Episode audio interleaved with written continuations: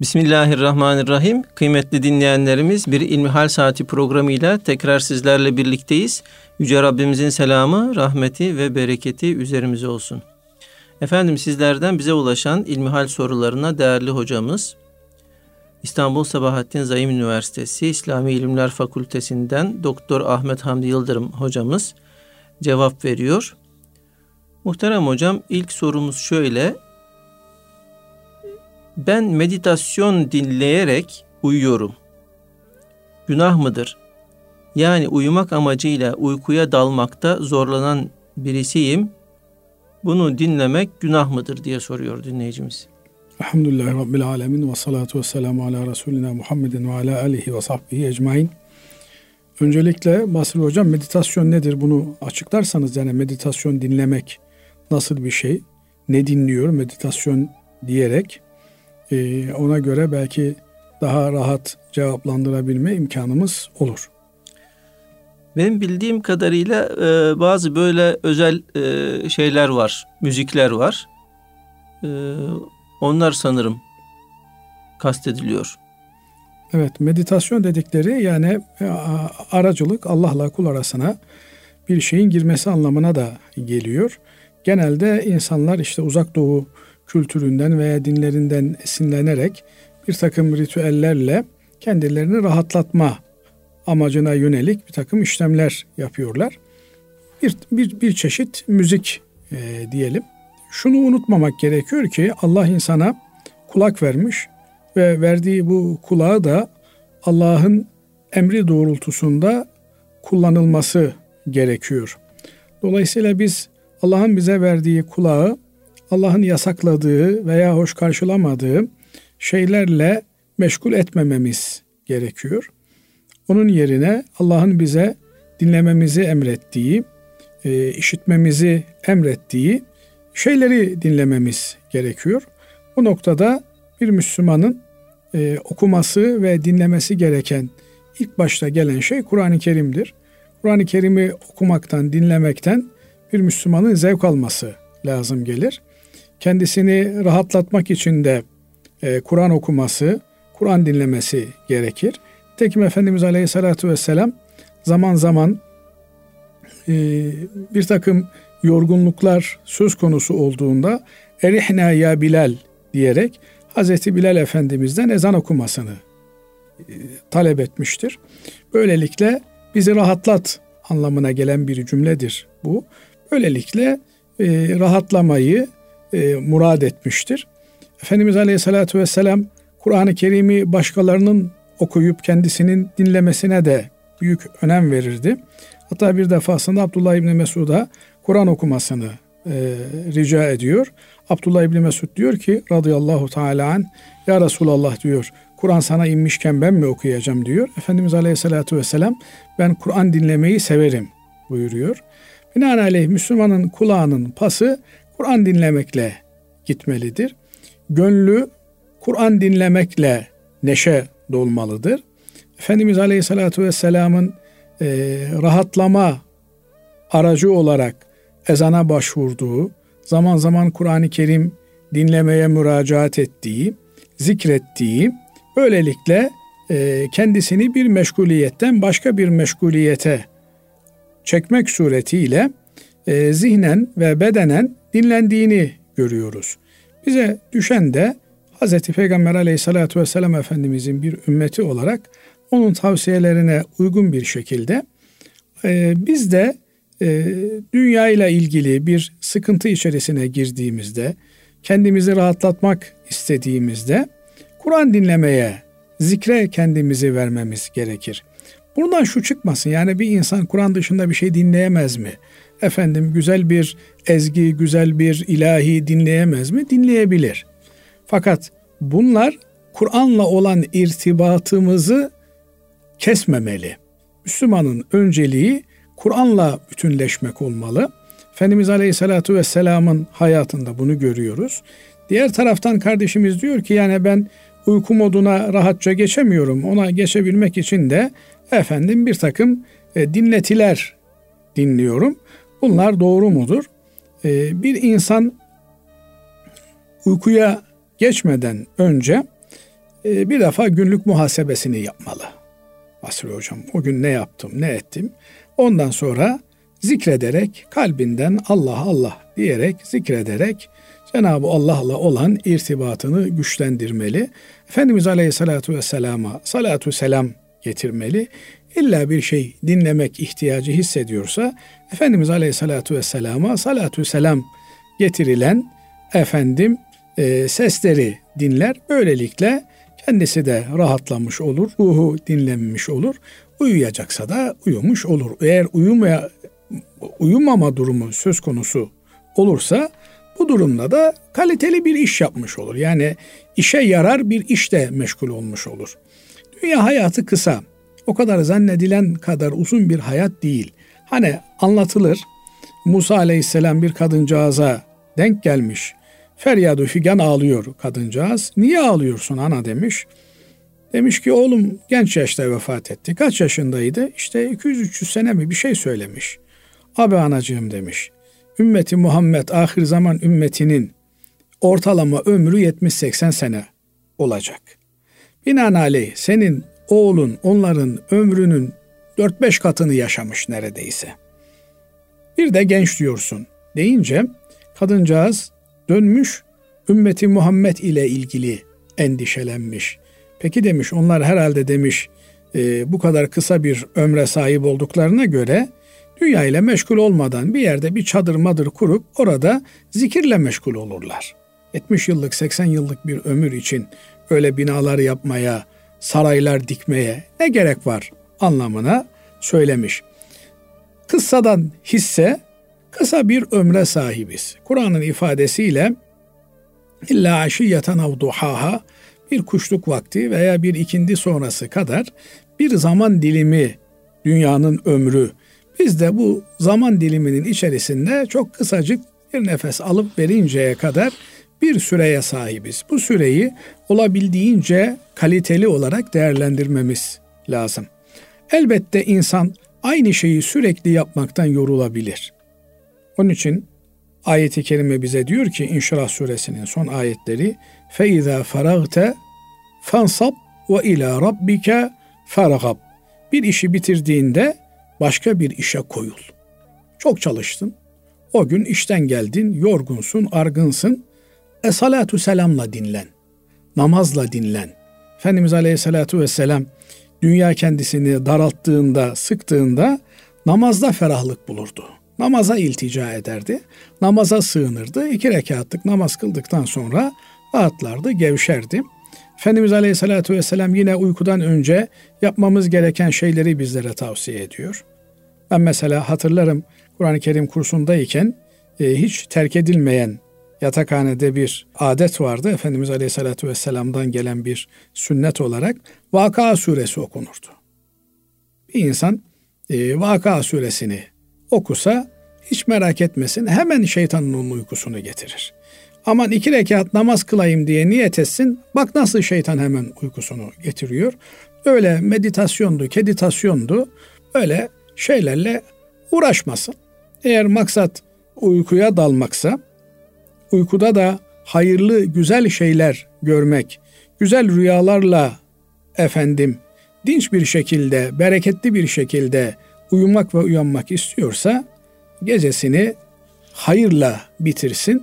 Böylelikle gecenin tamamında hayrın içerisinde olmuş olur. Evet Allah razı olsun hocam. Efendim şimdi bir öğretmenden gelen bir soru. Öğretmenlere Eylül ayında verilen eğitime hazırlık ödeneği caiz midir diye soruyor. Şimdi devlet e, teşvik babından vatandaşlarına, memurlarına e, bir takım ödemeler yapabilir. E, nihayetinde bu tür ödemeler maaşın kendisine de mahsuben yapılabilir. Yani bu soru yüzde 40 zam yapmak yerine yüzde 70 zam yapsa caiz olur muydu? Olurdu. Nihayetinde bir e, iş sözleşmesi söz konusu. Memur olanlar da devlete karşı bir e, memur olmaları hasebiyle sorumluluk taşıyorlar. Devlet de çalıştırdığı kimselere karşı bir sorumluluk taşıyor. Elbette eğitim memleketin en önemli meselesidir. Eğer memlekette bir ilerleme söz konusu olacaksa bunun yolu eğitimden geçmektedir.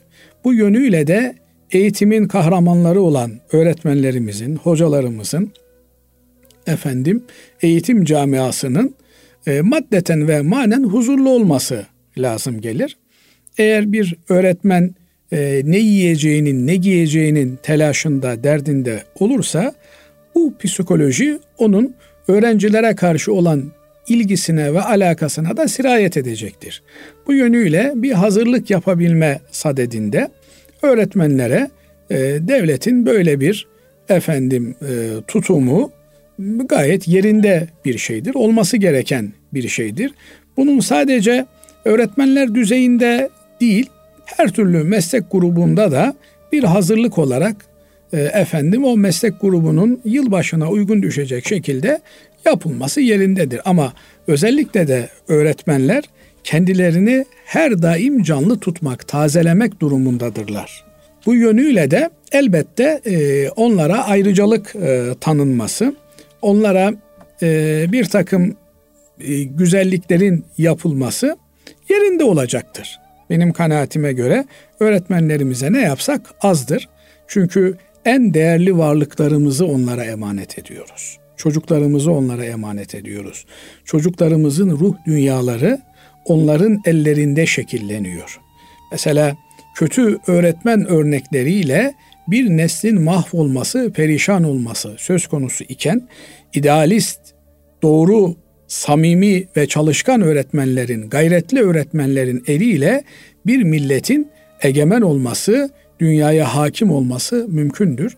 Bu yönüyle hakikaten öğretmenlerimizin morallerinin yükseltilmesi, maneviyatlarının yükseltilmesi gerekiyor. Bunun da tabi başında ne yiyeceğim, ne giyeceğim, çoluk çocuğuma ne vereceğim derdinin olmaması gerekiyor. Belki e, devlet içerisindeki maaş politikasında en yüksek ücret skalasına sahip olması gereken kesim öğretmen kesimidir, eğitim camiasıdır. Az önce de ifade ettiğim gibi onlara en önemli olan varlıklarımızı, evlatlarımızı emanet ediyoruz ki bu evlatlar yarını şekillendirecek olan unsurlardır. Eğer bugünden onlara yönelik bir ihmalimiz söz konusu olursa bunun faturası yarınlara çıkacaktır. Bundan dolayı öğretmenlere verdiğimiz hiçbir şey israf değildir. Aksine ne yaparsak yapalım onların hakkını ödeyemeyiz. Allah razı olsun hocam. Teşekkür ederiz. Efendim şimdi diğer bir sorumuz şöyle. Müzikli nişan düğün gibi yerlere gitmek ne kadar uygundur diye soruyor bir dinleyicimiz. Şimdi öncelikle şunu ifade edelim ki Hz. Peygamber aleyhissalatü vesselam Efendimiz davetlere icabet etmiş. Yani bir Müslüman bir Müslümanı davet ettiğinde o davete icabet etmek asıl olandır. Eğer bir dini engel, mahzur söz konusu değilse insan elinden gelen gayreti göstermeli. Davetin mahiyetine bakmamalı. Efendimiz Aleyhisselatü Vesselam'ın ahlakıyla ilgili, tevazusuyla ilgili deniyor ki e, toplumca pek değer verilmeyen bir insan bile çok basit bir yemeğe onu davet edecek olsa Efendimiz Aleyhisselatü Vesselam mesafeye bakmaz icabet ederdi. Bir kadıncağız Efendimiz Aleyhisselatü Vesselam'ın önüne düşer ya Resulallah ben sana küçük bir şey pişirdim der. Efendimiz Aleyhisselatü Vesselam da onu kırmamak için ardınca epey bir yol gider onun davetine icabet ederdi. Düğün olunca bu biraz daha ehemmiyet kasted, kesbediyor. Niye? Çünkü insanlar her zaman evlenmiyorlar. Olağanüstü münasebetler arasına giriyor. Böyle bir durumda bir Müslümanın özellikle de yakın akrabasının bu tür münasebetlerini ihmal etmemesi gerekir. Niye? Çünkü bunlar sıla rahim dediğimiz akraba ilişkilerini koruyup kollamak, gözetmek ve ileriye götürmek emrinin gereğini yerine getirmektir. İnsanlar bunu yazarlar düğünüme geldi, gelmedi, cenazeme geldi, gelmedi. Bunu önemsediklerine göre bugünlerinde onların yanlarında bulunmaya gayret etmeli. Fakat bir yandan böyle bir dini sorumluluğu yerine getirmek, diğer yandan da efendim işte Bazı yerlerde alkol oluyor, bazı yerlerde e, erkek kadın karışık oturmalar oluyor. Efendim e, yersiz çalgılar, sözler, eylemler vesaireler oluyor. Yani bir tarafta e, dinimizin yapılmasını emrettiği sıla rahim babından akrabalık ilişkilerini, komşuluk ilişkilerini ileriye götürme emrinin yerini getirme, gereğini yerine getirmek, diğer yandan da bir takım mahsurlar barındıran e, Cenab-ı Allah bir defa e, Allah'ın ayetleriyle, Allah'ın diniyle e, alay geçilen, Allah'ın yasaklarının işlendiği bir yerde oturmayın diyor bize. Bir taraftan da böyle bir emir var. Peki bir Müslüman ne yapacak? Yani işte amcasının çocuğu evleniyor. E bu düğüne gitmese amcası darılacak, işte kuzeni darılacak. Diğer taraftan da e, burada işte Allah'ın yasak ettiği bir eylem işleniyor. Bu gibi durumlarda Müslüman hikmetle davranmaya gayret edecek. Eğer e, sözü geçen biri ise ya bunu yapmayın. İnsanlar genelde şöyle bir söz söylerler. İşte efendim insan e, hayatında bir kere evleniyor. Dünyaya bir kere geliyoruz. E, rahmetli Ladikli Hazretleri Ahmet Ağa. Ahmet Ağa e, diyor ki insanlar dünyaya bir kere mi bir kere geleceğiz diyorlar. Sanki diyor ahirete iki kere gidecekler. Dolayısıyla e, hayatta bir kez yapılan bir şeye haram bulaştırmadan yapmak lazım. İkaz etmek lazım. Bakın evladım evleniyorsunuz. Yeni bir yuva kuruyorsunuz. Bu yuvayı, bu yuvayı takva temelleri üzerine inşa edin. Bunu haramla efendim insanlar ne derler vesaire filan diye öyle maalesef Anadolu'da da zaman zaman işitiyoruz. Dindar aileler ama köylü ne der diye düğünlerine haram bulaştırabiliyorlar. Böyle bir yeni bir müessese kurarken, yeni bir yuva kurarken takva temelli bu yuvayı atalım. Burada günah olmamasına dikkat edelim. O ne der bu ne derden daha önemli olan Allah'ın huzuruna çıktığımızda bizim ne diyeceğimizdir. Nasıl hesap vereceğimizdir. Bu tür nasihatleri yapabiliyorsa, sözü geçiyorsa bunları yapmayı ihmal etmemesi lazım. Ama e, öyle bir imkan görmüyorsa yani bazen de şöyle oluyor. insanlar çekiniyorlar, utanıyorlar. Kötü olmak istemiyorlar kimseyle. Oysa Allah bize iyiliği emretmeyi, kötülüğü nehyetmeyi emir buyurmuş. Binaenaleyh o bana darılır, bu bana gücenir diye doğruyu söylemekten çekinmemek lazım. Elbette doğruyu söylerken üslubuna göre söylemek lazım. Yoluna, yordamına göre söylemek lazım.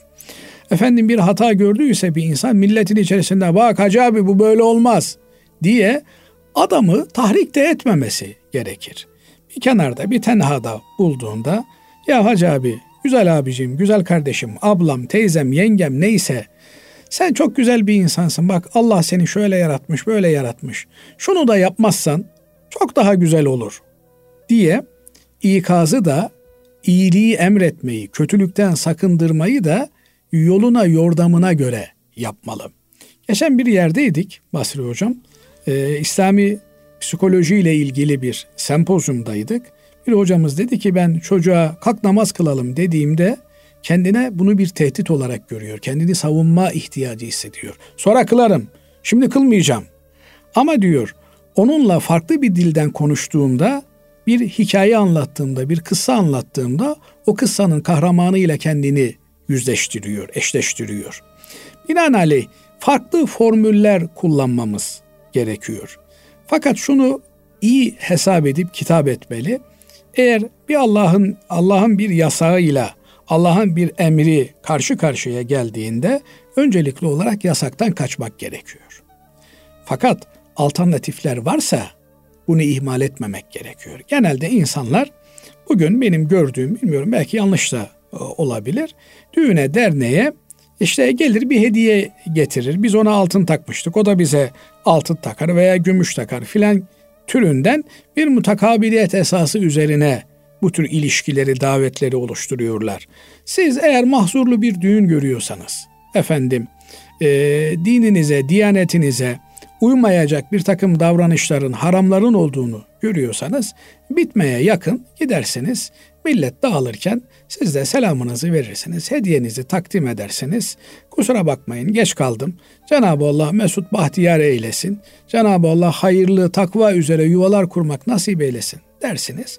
Emaneti, hediyeyi teslim edersiniz, çekilirsiniz. Onun yerine arayı daha fazla açacak, aradaki husumeti, kavgayı büyütecek şeylere de yol açmamak gerekir. Müslüman hikmet sahibi olmalı.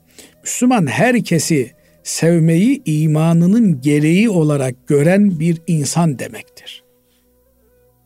Dolayısıyla Müslümanın küsmeye, darılmaya, gücenmeye imkanı yok. Bakın Cenab-ı Allah ulul azim peygamberlerinden yani en büyük peygamberlerinden biri olan Musa aleyhisselamı en azılı Allah düşmanlarından birine Firavun'a gönderiyor. Ona diyor yumuşak konuş diyor. Ve vehcurhum hecran cemila bir başka ayette de ayrılacağın zaman da güzel ayrıl. Yani tekrar bir araya gelebilecek, tekrar görüşebilecek bir düzlemde ayrılacaksan ayrıl. Ama eğer bütün bağları, ilişkileri kopararak bir sonuç almaya çalışırsak kendimizi de belki yarın öbür gün faydamız dokunabilecek, nasihatımız ulaşabilecek akrabalarımızı da kırmış, yıpratmış oluruz. Bu noktaya dikkat etmek lazım. Allah hepimizin yar ve yardımcısı olsun. Allah razı olsun hocam. Değerli dinleyenlerimiz şimdi kısa bir araya gidiyoruz. Aradan sonra inşallah kaldığımız yerden devam edeceğiz. Kıymetli dinleyenlerimiz İlmihal Saati programımıza kaldığımız yerden devam ediyoruz. Muhterem hocam dinleyicimiz şöyle bize yazmış. Tesettür seviyesinde şal, şal takmak hükmü nedir? Boğazımdan arkaya doğru bağlıyorum diyor. Şarp, eşarp yapmadığım zaman. Şimdi tesettür meselesinde önemli olan husus tesettürün vücutta örtülmesi gereken yerleri örtmesidir. Binaenaleyh avret mahalli dediğimiz gösterilmesi, yabancılara teşhir edilmesi yasak olan yerlerin örtülmesi gerekir. Kadınlarda da erkeklerde de avret dediğimiz başkalarına gösterilmesi yasak olan yerlerin örtülmesi Allah'ın emridir. Öncelikle bunun yerine getirilmesi lazım. Binaenaleyh örtünme bedenin, tenin, çıplak vücudun bir bezle kapatılmasıdır. Bunun bir takım olmazsa olmaz şartları vardır. Birincisi tesettürün kişiyi koruyucu ve e, teşhir etmeyici vasıfta olması gerekir. Yani bir örtünme türüyle örtünüyorsunuz ki bağırıyor sokakta. Herkes dönüp dönüp size bakıyor. Bu tesettürün ruhuna aykırı bir şeydir. Tesettür saklanmak demektir, gizlenmek demektir, örtünmek demektir. Hedef küçültmektir. Yani görünür olmamaktır. Tesettürün manası ruhu budur. Ama eğer siz bir tür örtünme ile daha kendinizi görünür hale getiriyorsanız, daha ilgi çekici hale getiriyorsanız, daha gözleri üzerinize doğru odaklandırıyorsanız bu tesettürün ruhuna aykırı bir şeydir. Burada tabi ruhi bir takım hastalıklar da söz konusu olmaktadır. Kendini beğenme, kendini gösterme, insanların dikkatini çekme. Halbuki Müslümana yakışan mahviyet içerisinde olmasıdır. Tevazu sahibi olmasıdır. Kendisini Allah'a beğendirme maksadını gütmesidir. Bunun haricinde vücudu belli etmeyen, vücudun ana hatlarını belli etmeyen bollukta bir elbise olması, ten rengini göstermemesi ve bölgenin örfüne, geleneğine, adetlerine uygun giyinilmesi esastır. Mesela bazı İslam ülkelerinde erkekler bizim kadınlarımızın giydiği eteğe benzer bir şey giyerler. Veya işte birçok Arap ülkesinde bizim kadınların giydiği elbiseye benzeyen entariler giyerler. Bunlar oralarda normal olan bir şeydir. Ama böyle giyinilmeyen yerde bunları giymek suretiyle kendini belli etmek, ortaya dökmek de doğru bir davranış değildir. Binaenaleyh özellikle tesettüre dikkat ettiğini düşünen kimselerin tesettürün ruhuna uygun olarak giyinmeleri gerekir. Maksat sadece kuru bir efendim örtüyü bedenimize çekmek değildir. O örtüyle beraber bir mahviyetin, bir tevazuun, bir gösterişten, riyadan, desinlerden kaçınma duygusunun da bizde hakim olmasıdır. Asıl olan görünür olmak değil, görünmez olmaktır. İnsan kendini Allah'a karşı görünür kılmaya çalışmalıdır. Yoksa insanlar beni görsünler, beni dikkate alsınlar, ben geçtiğimde herkes dönsün bana baksın, benim kokum kime gittiyse wow desin dönsün o kokunun peşini sürsün.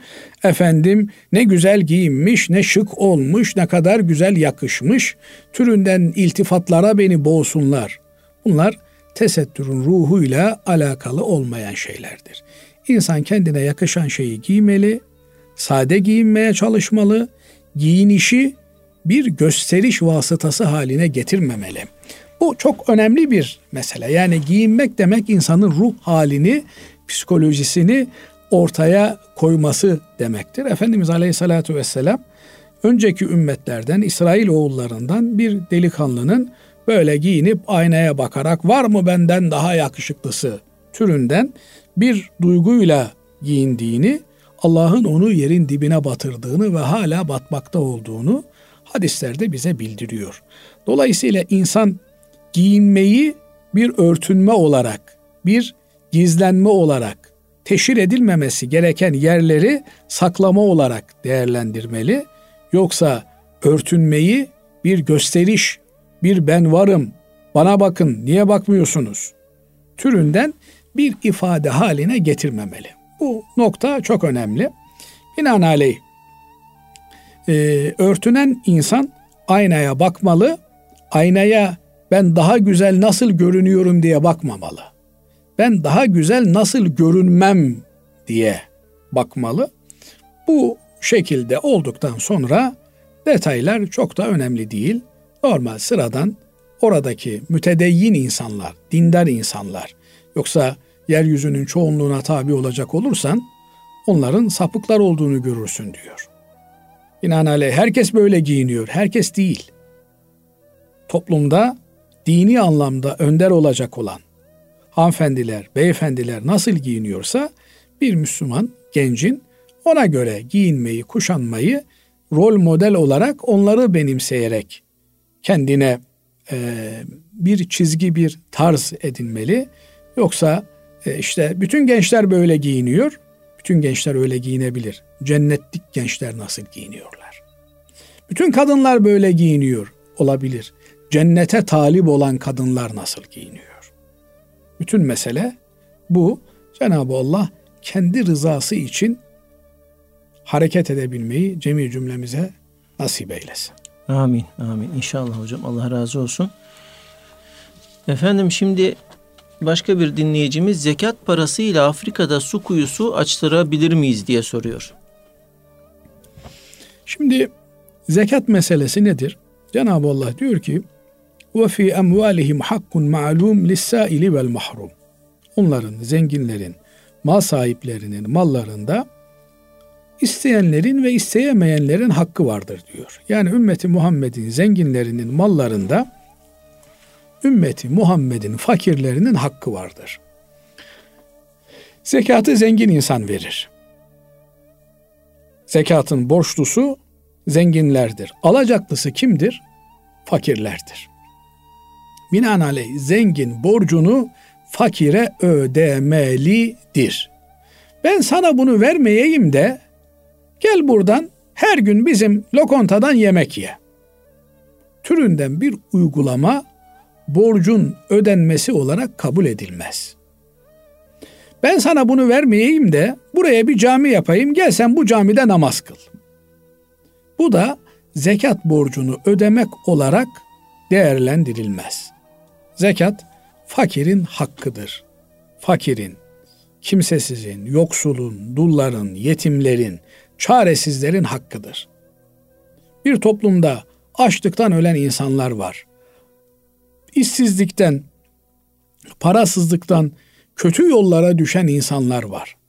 Onların hakkını vermeyerek zengin bir insan ben cami yaptıracağım, ben külliye yaptıracağım, ben kuyu açacağım türünden fantazilerin peşine gitmemeli. Giderse fakirin hakkını yemiş olur. Evet kuyu açtırmak en önemli sadakayı cariyelerden bir tanesidir. Nedir sadakayı cariye? Akar demiş eskilerimiz. Yani durduğu sürece ölen kimsenin sevap defteri açık kalır. Oradan oraya sevap akar. Efendimiz Aleyhisselatü Vesselam diyor ki bunu hepimize söylüyor Efendimiz Aleyhisselatü Vesselam. Yani bunu bana da söylüyor, sana da söylüyor. Diyor ki İza matel insan in kata amelu. İnsan öldüğünde amel defteri kesilir. Artık sevap yazmaz. Günah da yazmaz. Bitti. Ne kazandıysa ölene kadar kazandıkları onunla beraber gelir. Ancak diyor üç şey müstesnadır. Bu üç şey geride bir faydalı ilim bırakmışsa, ilim öğretmiş, talebe yetiştirmiş, o talebeler okudukları, okuttukları sürece hocanın da ruhuna sevap olarak akar, işler, sevap defteri çalışır. Evlat bırakmıştır geride, salih bir evlat bırakmıştır. Ana babasına dua eder. Mesela diyor ki kitaplarımız, ana babanın dostlarını ziyaret etmek, ana baba haklarına yönelik bir meseledir. Niye? Babanın dostunu ziyaret edersin, rahmetlinin oğlu geldi der, babana rahmete vesile olur. Annenin dostunu ziyaret edersin, aa rahmetlinin oğlu geldi der, evladı geldi der, kızı geldi der, rahmete vesile olur. Efendim dua eder, günde beş vakit namazda işte tahiyyatta anamıza babamıza dua ediyoruz. Dolayısıyla bir insan hayırlı evlat yetiştirmeye, ağzı dualı bir evlat yetiştirmeye de gayret etmeli. Cenab-ı Allah bütün geçmişlerimize, analarımıza, babalarımıza, akrabalarımıza rahmet eylesin. Amin.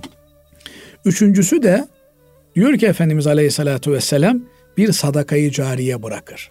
Bir çeşme bırakır. İnsanlar o çeşmeden içerler. Efendim bir yol yapar, insanlar o yoldan giderler. Bir köprü yapar, insanlar o köprüden geçer. Bir cami yapar, insanlar o camide namaz kıldıkça onun ruhuna da sevap gelir. Efendim bir kitap bağışlar. O kitap okunduğu sürece onun ruhuna sevap gelir. Şimdi kuyu açmak susuz bir bölgede insanların su ihtiyaçlarını suya kavuşsunlar, bununla abdest alsınlar, temizlensinler, elbiselerini yıkasınlar, temiz elbiselerle namaz kılsınlar niyetiyle bir yerde kuyu açmak böyle bir sadakayı cariyedir. O kişilerin ardından o kuyu işlediği sürece sevap akmaya devam eder. Ama zekat öyle değil. Zekat insanın borcudur. Ben senden 10 bin lira borç almışım. Ya ben Basri Hoca ben sana bu 10 bin lirayı vermeyeyim de onun yerine ben sana bir kuyu açayım. Olmaz. Kuyu ayrı bir şeydir. Efendim zekat ayrı bir şeydir. Binaenaleyh bir insan Efendimiz Aleyhisselatü Vesselam'dan beri bizim vakıf medeniyetimiz yeryüzüne hakim olmuştur. Bakıyorsunuz mesela Osmanlı'nın her tarafında vakıf eserleri var. Özellikle de valide sultanlar, hanımlar büyük vakıf eserleri bırakmışlar. Niye? Çünkü akıllı insanlar öldükten sonra mezara yatırımın devam etmesini istiyorlar. Ama tercih bize ait. Yani malını, mülkünü bırakırsın çoluğuna çocuğuna. Elbette çoluğa çocuğa da bırakmak lazım. Kimseyi aç açık bırakmamak lazım. Ama unutmamak gerekiyor ki Hz. Peygamber aleyhissalatü vesselam Efendimiz'e sahabeden biri geliyor diyor ki ya Resulallah ben diyor ölümden korkuyorum diyor. Malın mülkün var mı diyor. Var diyor. Malını mülkünü diyor önceden ahirete gönderirsen diyor sen de o malın mülkün peşinden gitmeyi arzu edersin diyor. Ama dünyaya bırakırsa insan malını mülkünü o zaman dünyadan ayrılmak istemez. Malsız, mülksüz, parasız olmuyor. Malı ahirete transfer edebilmenin, parayı ahirete gönderebilmenin yolu da bu tür sadakalardır. kuyu açmaktır. Efendim yetimhane yapmaktır, cami yapmaktır, Kur'an kursu yapmaktır, mektep yapmaktır vesaire vesaire. Ama yani bir yer vardır ki orada ihtiyaç vardır. Adamcağızın da verebilecek zekattan başka parası yoktur. O zaman oradaki fakirlere yine bu zekatı vermeli. Onlar ihtiyaçları varsa kuyu açarlar, ihtiyaçları yoksa başka türlü ihtiyaçlarını onu kullanırlar. Ama hem ben zekatımı vereyim, hem kurban olsun, hem aradan kuyuyu da çıkartayım türü şeylere girmemek lazım. Evet hocam. Efendim şimdi biraz e, soyut bir soru var. Bir e, dini emrin çiğnenmesiyle onunla alay edilmiş olur mu? İslami emirlerle alay edenlere karşı tutumumuz nasıl olmalıdır? Güzel. Şimdi mesela diyor ki kardeşimiz adam namaz kılmıyor. Namaz kılmamak büyük bir günah. Bir Müslümana asla yakışmayan bir durum. Hem Müslüman olacak hem namaz kılmayacak. Mümkün değil. Fakat adam namaz kılmamanın ezikliğini yaşıyor. Mesela öyle hanımefendiler var. Örtünmek istiyor. Şeytan bırakmıyor, örtünemiyor. Çevreyi bahane ediyor, onu bahane ediyor, bunu bahane ediyor. Ama örtünememenin ezikliğini yaşıyor. Bir de var ki örtü neymiş be? Bu çağda örtünülür mü? Bağnaz mıyım ben? Türünden örtünmemenin propagandasını yapıyor.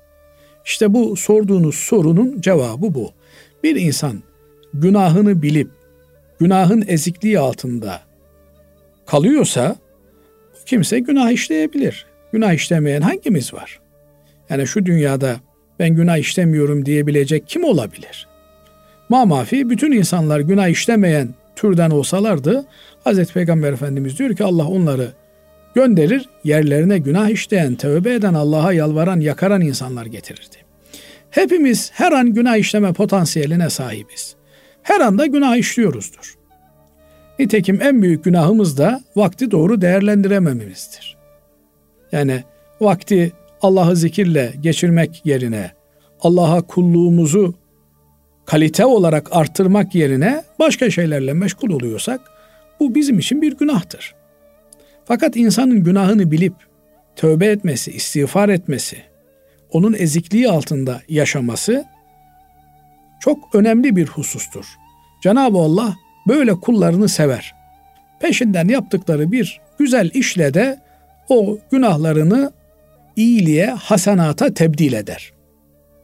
Fakat bir insan günahı aleni olarak yapıyor, teşhircilik yapıyor, efendim e, kuruyor içki sofrasını, efendim bir de durumuna koyuyor. İlanını yapıyor, reklamını yapıyor. Bu işte Allah'ın yasaklarıyla alay etmek demektir. Bu tür insanlardan uzak durmak lazım. Bu tür insanların akıbetleri çok kötü olur. Din edep işidir. İnsan ağlayarak günah işlemesi efendim zil takıp oynayarak sevap işlemesinden iyidir. Onun için Cenab-ı Allah bizden edepli olmamızı istiyor. Bir insan hangi ibadeti yapmakla Allah'a karşı olan vazifemizi yerine getirebiliriz? Onun için insan ne yaparsa yapsın eksik olduğunu, kusurlu olduğunu bilmeli. Kaldı ki bunu bilmek yerine bir de kalkıp işlediği günahlarla efendim reklam yapıyor, caka satıyorsa Allah muhafaza eylesin. Bu kimsenin akıbetinden korkulur. Onun için bu tür yerlerde bulunmamak lazım. Bu tür yerlerden uzak durmak lazım. Futursuzca Allah'a meydan okunan yerlerden uzak durmak lazım. Buralara Allah'ın laneti yağar. En büyük lanet de insanın battığının farkında olmamasıdır. Yani bakarsınız biri küfründe inat ediyor, gavurluğunda inat ediyor. Bayrak sallıyor. Allah'a meydan okuyor, kainata meydan okuyor. Bak işte yaptım bir şey de olmadı. İşte aslında bu duygu onun için olabilecek olan en kötü senaryonun gerçekleşmiş olmasıdır. Allah muhafaza eylesin. Müslüman gözü yaşlı insandır. Namaz kıldıktan sonra bile istiğfar ediyoruz Basri Hocam. Niye? Kıldığımız namazı beğenmiyoruz. Bir namaz böyle mi kılınmalıydı diyoruz. Cenab-ı Allah hepimizi muhafaza eylesin. Amin. Allah razı olsun hocam. Teşekkür ederiz. Kıymetli dinleyenlerimiz bugünkü İlmihal Saati programımızın böylece sonuna ermiş bulunuyoruz.